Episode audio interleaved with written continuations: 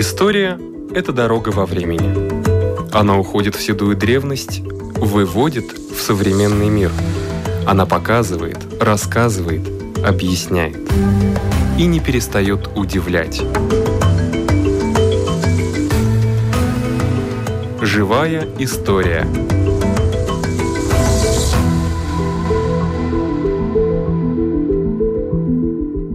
У микрофона Лидия Чера.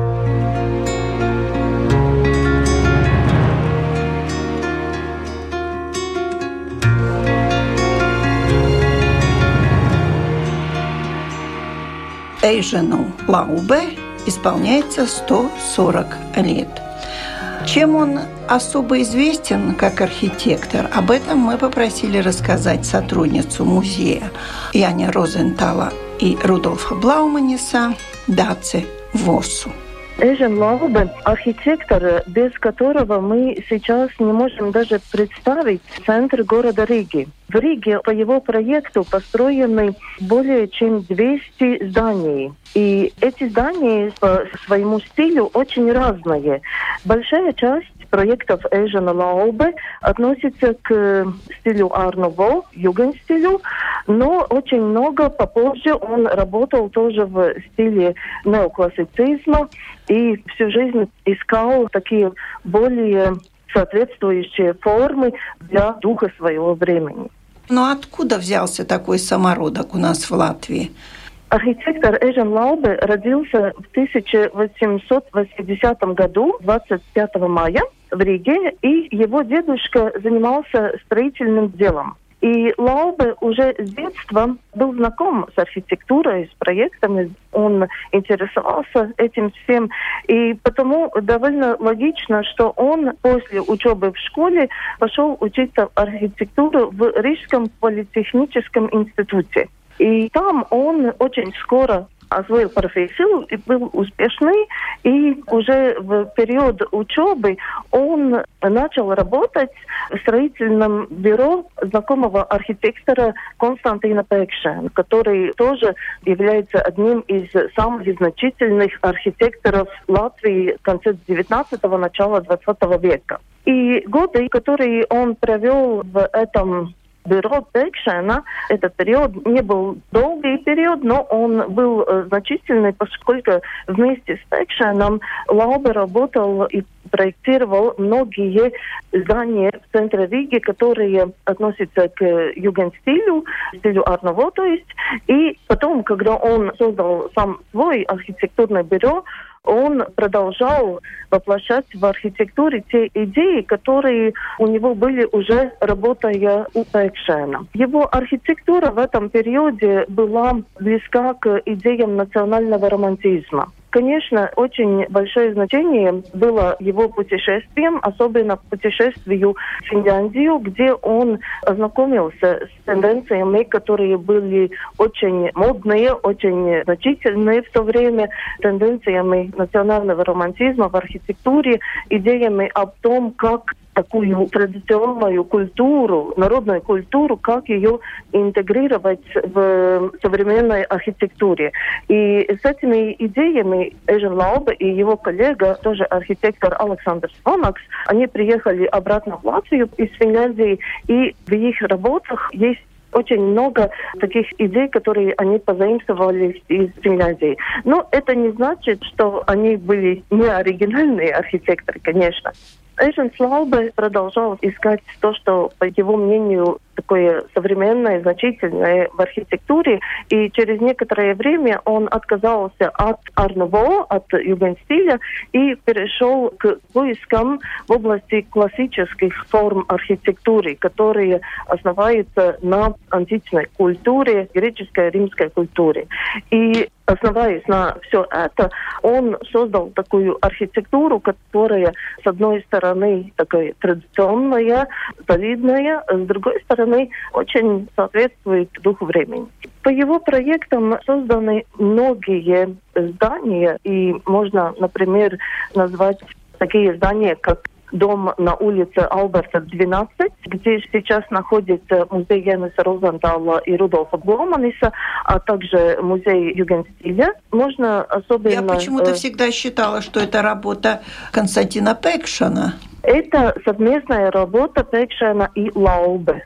И очень интересно посмотреть на другое здание, которое Лаубе проектировал, когда он ушел от бюро Пекшена на улице Мира. И можно видеть такие очень-очень похожие формы. Они проектировали вместе, и тоже есть другие здания в стиле Арнуво, которые Лаубе вместе с Пекшеном проектировал, когда работал в его бюро.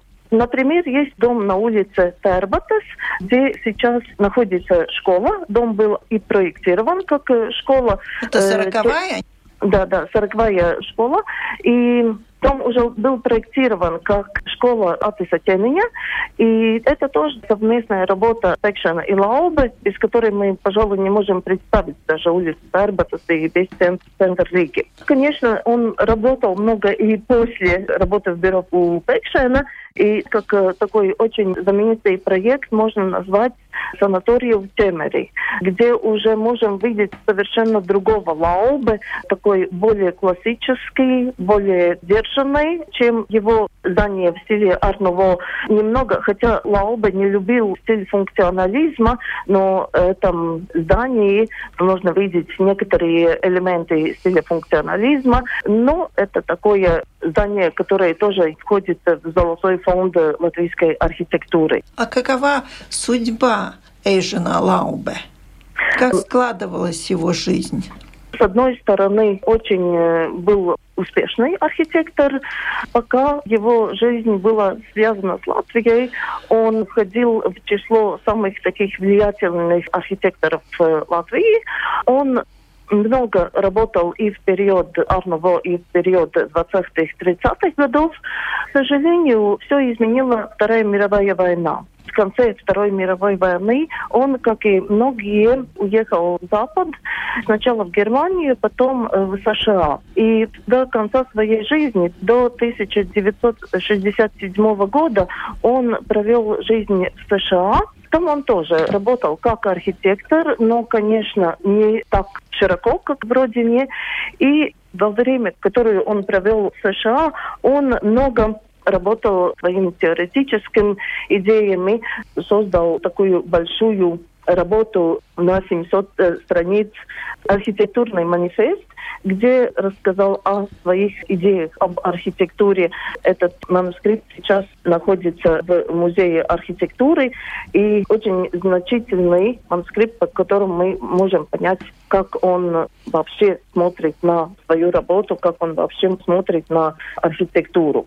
Скажите, а как проявлялась вот это национальный романтизм в архитектуре? Где его можно увидеть? Вот на стенах зданий, как это выглядит?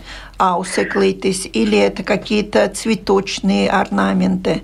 Есть, конечно, и орнаменты, но это не главное. Главное в архитектуре национального романтизма то, что вся форма здания по силуэту, по такой массивности формы, более похожа на такой большой крестьянский дом. Конечно, это не такая копия сельской архитектуры, традиционной архитектуры, но более выбирают такие серьезные, такие геометричные, немножко тяжеловатые формы и очень важный материал здания, которые построены в стиле национального романтизма, в этих зданиях больше используются такие природные материалы. Более используется местный камень грубой обработки в котором можно видеть фактуру этого камня, природу этого камня. В основном природные материалы. Но это э, может быть и гранит тоже, да? Может быть и гранит, но тогда это будет не полированный гранит. Не обработанный как бы, да? Как на сороковой да, школе, да, я сейчас перед да, глазами сороковая да, да, школа, да, там он, естественно, даже как будто и не обработанный, но очень красиво выглядит. Скажите, а кто у него была жена? Дети были? Эжен Лаубе был женат дважды. Его первая жена, Мета Лаубе, была певицей. У них ну, родился... она латышка, местная? Да, латышка, да, местная. Но через некоторое время этот брак распался. У них был тоже сын, которого тоже назвали Эйжен, тоже Эйжен Лаубе. Через некоторое время они развелись, и Эйжен Лаубе женился второй раз. Также Мета Лаубе тоже вышла замуж второй раз, продолжала свою карьеру как певица. Но это уже другой рассказ. А второй женой кто стал его? Я не могу о ней ничего рассказать. Много информации о ней нету. Ну а кроме этого сына есть еще дети? Насколько известно, мне нет. Во всяком случае, не нашлись. Знаем, что есть этот Эйжен Лаубе, сын и все. К сожалению, я не могу рассказать о них ничего, поскольку там много информации нет. Но он не, не эмигрировал, не стал архитектором, не знаете? По-моему, нет. Единственное, что я могу сказать, что Эжен Лаубе, сын, первый поехал в США после Второй мировой войны, и его отец потом приехал по его приглашению в США. И 5 числа в 19 часов состоятся литературные чтения. Надо зайти на вашу страницу и посмотреть линки, по которым можно будет участвовать в этом мероприятии. 5 числа в 19 часов мы предлагаем подключиться к Zoom адресу, по которому мы расскажем об архитекторе Эжена Лаубе, Поскольку ситуация сложная в стране, в этот момент мы предлагаем прослушать этот рассказ бесплатно и не выходя из дома. Просто подключившись к Zoom, кто будет участвовать с вашей стороны? С нашей стороны будет участвовать Майя Арена, историк, которая расследовала жизнь и творчество Эжена Лаубе и расскажет самое главное об этом архитекторе, то, что нам кажется интересным, и то, что, может быть, кажется интересным и нашим посетителям. А задавать вопросы можно будет? Да, конечно. В платформе Zoom можно задавать и вопросы, и в письменном виде, и напрямую. Много мы особо не рассказывали, чтобы была возможность еще принять участие в вашей передаче. У нашего микрофона была сотрудница музея Яня Розентала и Рудольфа Блауманиса Дация Восса.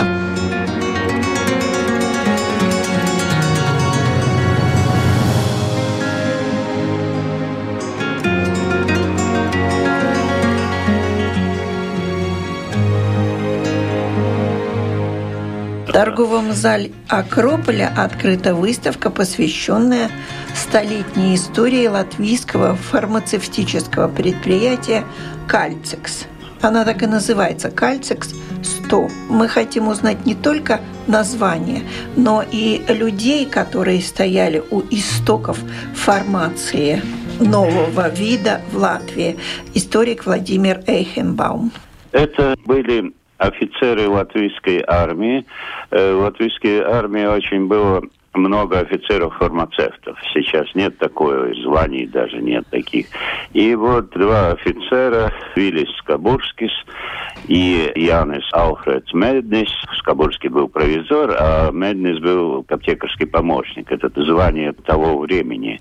И вот эти офицеры, служа в армейском депо и ветеринарном управлении латвийской армии было очень большое управление, потому что тогда вся армейская жизнь на лошадях была.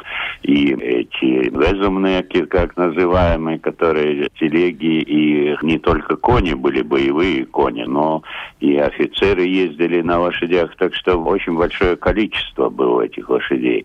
И при ветеринарном управлении было тоже фармацевтическая лаборатория, лаборатория, в которой служили Виллис Скоборский и Янис Алфред Меднис. У Медниса был домик на Брунанеку 85. Этот дом еще сейчас сохранился, который владела многие годы его семья. И вот он решил в этом доме основать такую небольшую лабораторию, где сначала оборудовали несколько комнат, очевидно, хозяйские комнаты, там комнат пять было под лабораторией, такой большой подвал был. В подвале организовали там все эти лабораторные печки, и подогрев воды и тому подобное. Все, что связано уже с технической точки зрения, были в подвале. А наверху пять комнат было лаборатория. И вот эти умные люди, потому что тогда вообще вот и промышленность была разрушена, не говоря уже о фармацевтической промышленности, потому что в 17 году отменили сухой закон в армии, и 12-я армия, когда отступала, они грабили все лаборатории, все фотомастерские, где тоже был спирт, и не говоря уже о магазинах и других предприятиях, пивных лавок, где находился алкоголь. И фактически вся промышленность фармацевтическая была разрушена в 2020 году. Уже потом в 19 конечно, войной никто не занимался этим делом. И в 2020 году начала возрастаться фармацевтическая промышленность, которые организаторы вот как раз были эти два офицера. Но Вилли Скобурский, он впоследствии владел Торникаунской аптекой, новой, наверное, Бацгатовой сейчас. И в Венспиле у него была аптека, и в Нерите он довольно много аптек был. Он ушел в 21 году, потому что он не был таким большим специалистом по фармацевтической промышленности, а на его место пришел 21 году, фактически год Скобурский только был, Зигмунд Францкевич, который фактически дал жизнь этому предприятию Калтика. Если бы он не пришел, возможно, это все бы и заглохло на технической стороне лаборатории, потому что фармацевтические тоже занимались различными техническими работами, скажем, крем для обуви. Тогда очень нужная вещь, и этим Меднес в основном занимался. Но Францкевич тоже подключился, и они создали фирму такой ИА Меднис и Бедерс. А вот Бедерс был Францкевич как раз. И Францкевич был профессиональным уже предпринимателем. Он в Москве учился. Он окончил в 2014 году Московский университет. И работал как лаборант, как помощник самой крупнейшей в России фармацевтической фабрики, можно так назвать, Ферейна. Сегодня еще это имя звучит в Москве. Если кого спросишь из фармацевтов, все знают этого Ферейна. У него была целая сеть аптек, тоже фармацевтическое производство, очень крупное, большое. И вот Францкевич у него в молодости, значит, до 14 года, когда он начал служить, я сейчас не припомню, но все годы, пока он учился, он работал в Ферейна и очень многому научился, как создавать фармацевтическое производство. Потому что очень многие фармацевты погибли, в войне участвовали и попали в Россию, в Советской России пропали, и на Южном фронте тоже, потому что в основном фармацевты были или евреи, или немцы – те пропали, и поэтому не было таких крупных специалистов по этому вопросу. И когда он приходит в Медфро, они организуют впоследствии, это называется Меднис и Францкевич, Медфро фирма называется, то он начинает развивать как раз вот эту хомеопатию. Они с Латвийским университетом все время вместе работают. Начинают создавать такие, взяли поля, специальные поля при Латвийском университете были, где выращивали вот хомеопатические разные врачебные травы, ашнецивас. И благодаря этому начали развиваться и другие, конкретно уже формация для людей, не только техническая формация. Хотя впоследствии техническая формация довольно развилась, и даже в 27 году эта фирма получает гран-при. Это самая высшая парижская награда, самая высшая награда всех торговцев, которые представляли товары на этой выставке. Получить это гран-при считалось очень престижной, поэтому он на всех бланках всюду это медаль гран-при, очень похож на орден почетного легиона и он всюду его экспонирует. И впоследствии уже создают не только техническую сторону, но и Аснецибесаугу, значит, лечебных трав отдел, химическо-технический отдел, уже расширяется уже в лаборатории, вот это предприятие превращается в фабрику. И они покупают в 27 году здание на улице Тегелю тогда. Это Эмиля Мелнгайля, сегодня три. Это здание сохранилось тоже. Это бывший дом, который был приспособлен для всяких предприятий. Там были табачная фабрика, в общем, до 27 -го года различные предприятия. И вот это здание еще до 90-х годов служило как центр Кальцикса. Но само название Кальцик довольно поздно получается. А основатель этого предприятия Меднис уходит в 30-х годах, в 36 году, и Францкевич полностью перенимает, потому что вот эта техническая сторона, в основном это обувной крем, потому что обувной крем очень нужен был. Армия в деревне ходили в сапогах, голенищами, и на расхват был этот крем.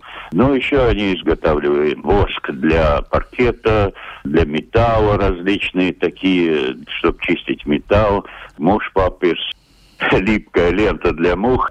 Так что эти все отошли. И впоследствии Медвес уходит из фирмы, остается только Францкевич, создает новые предприятия, сначала здесь на Эмиле Мелгайле нынешний, а потом переходит на Гани Будамбис, это здание сейчас снесли, и в этом здании устроят только техническую, а Францкевич переходит только на фармацевтическую промышленность. Уже промышленная, это уже фабрика, это не лаборатория.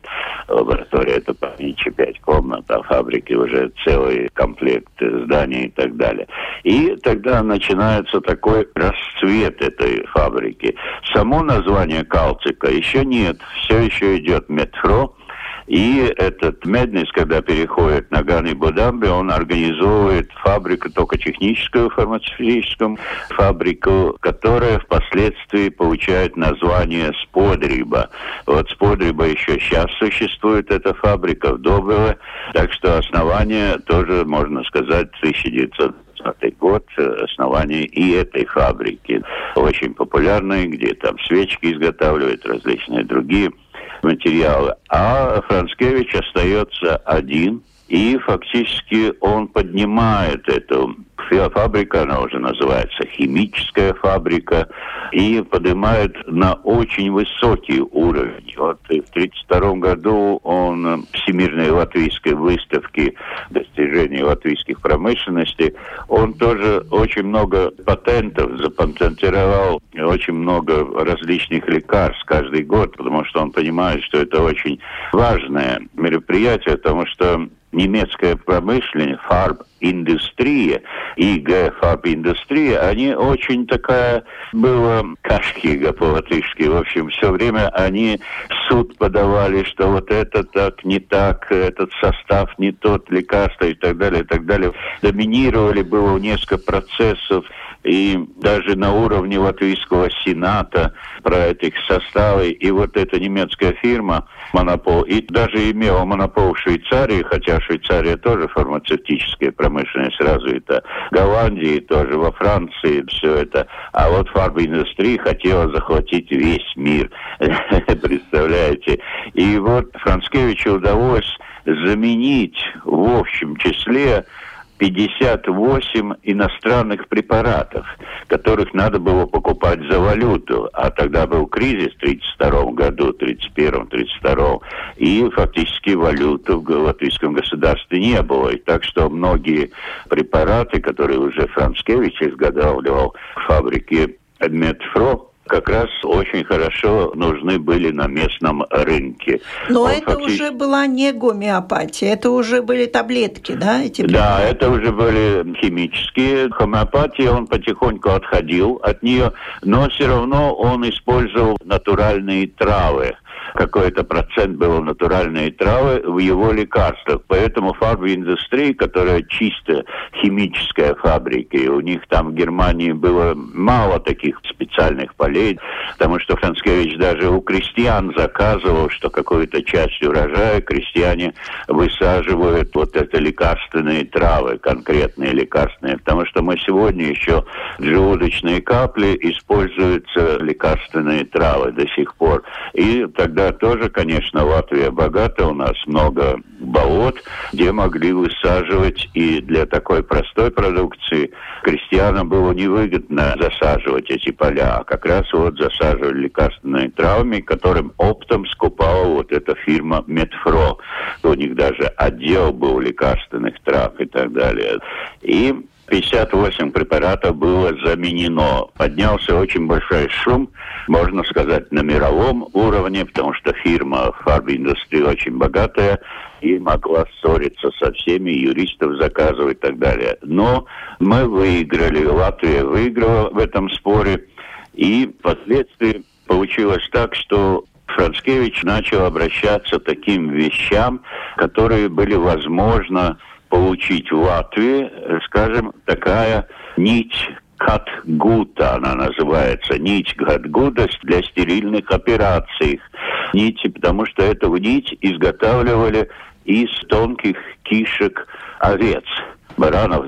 И вот эту нить использовали, чтобы зашивать раны потому что нить натуральная фактически, и она вживалась в человеческую плоть и рассасывалась со временем.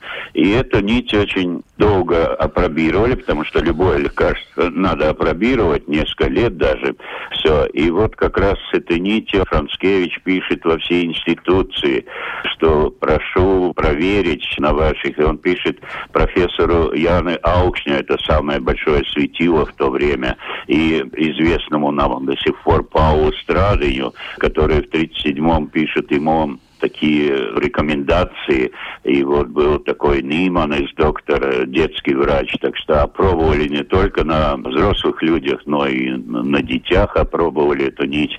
И очень хорошие отзывы получил Францкевич, и он начал выпускать эту нить. Это очень важное впоследствии получилось, когда уже Советский Союз эту фабрику национализировали, и это было фактически единственное в Советском Союзе, ну, того времени, 40-го года, которое выпускало вот эту нить. Всюду пишет, вот они такое достижение, хотя это достижение еще предыдущих времен.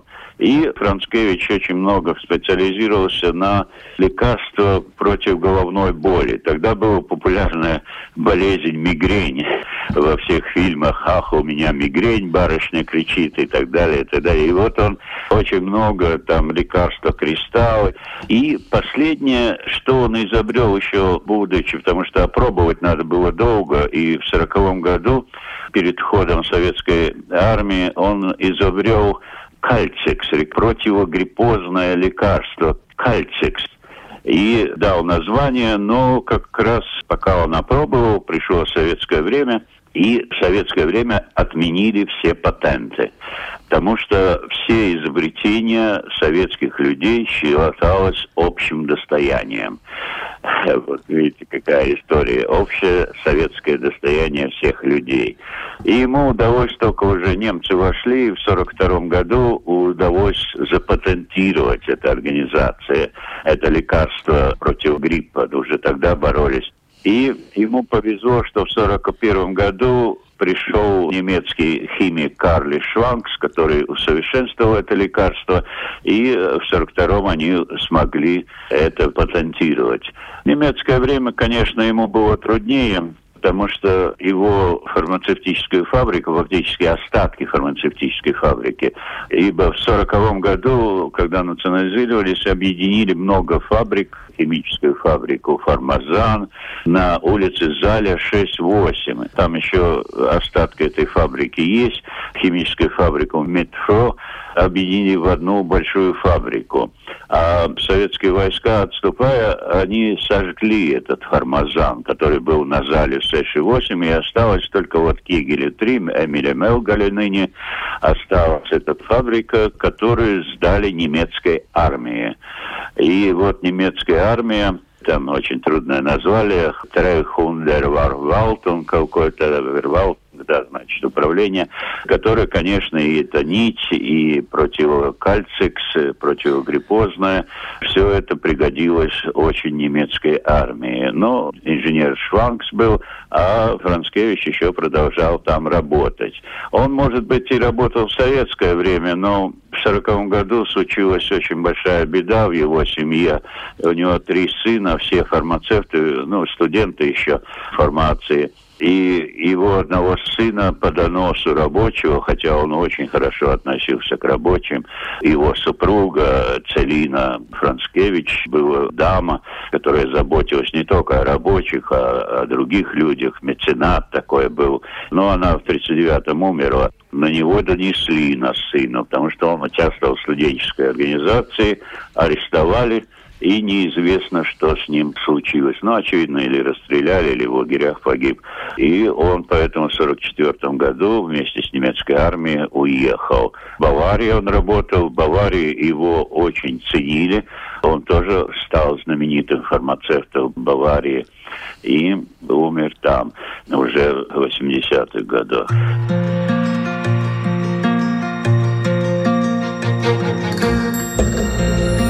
В одном из ближайших выпусков программы «Живая история» мы продолжим рассказ о столетнем юбилее фармацевтического предприятия «Кальцикс».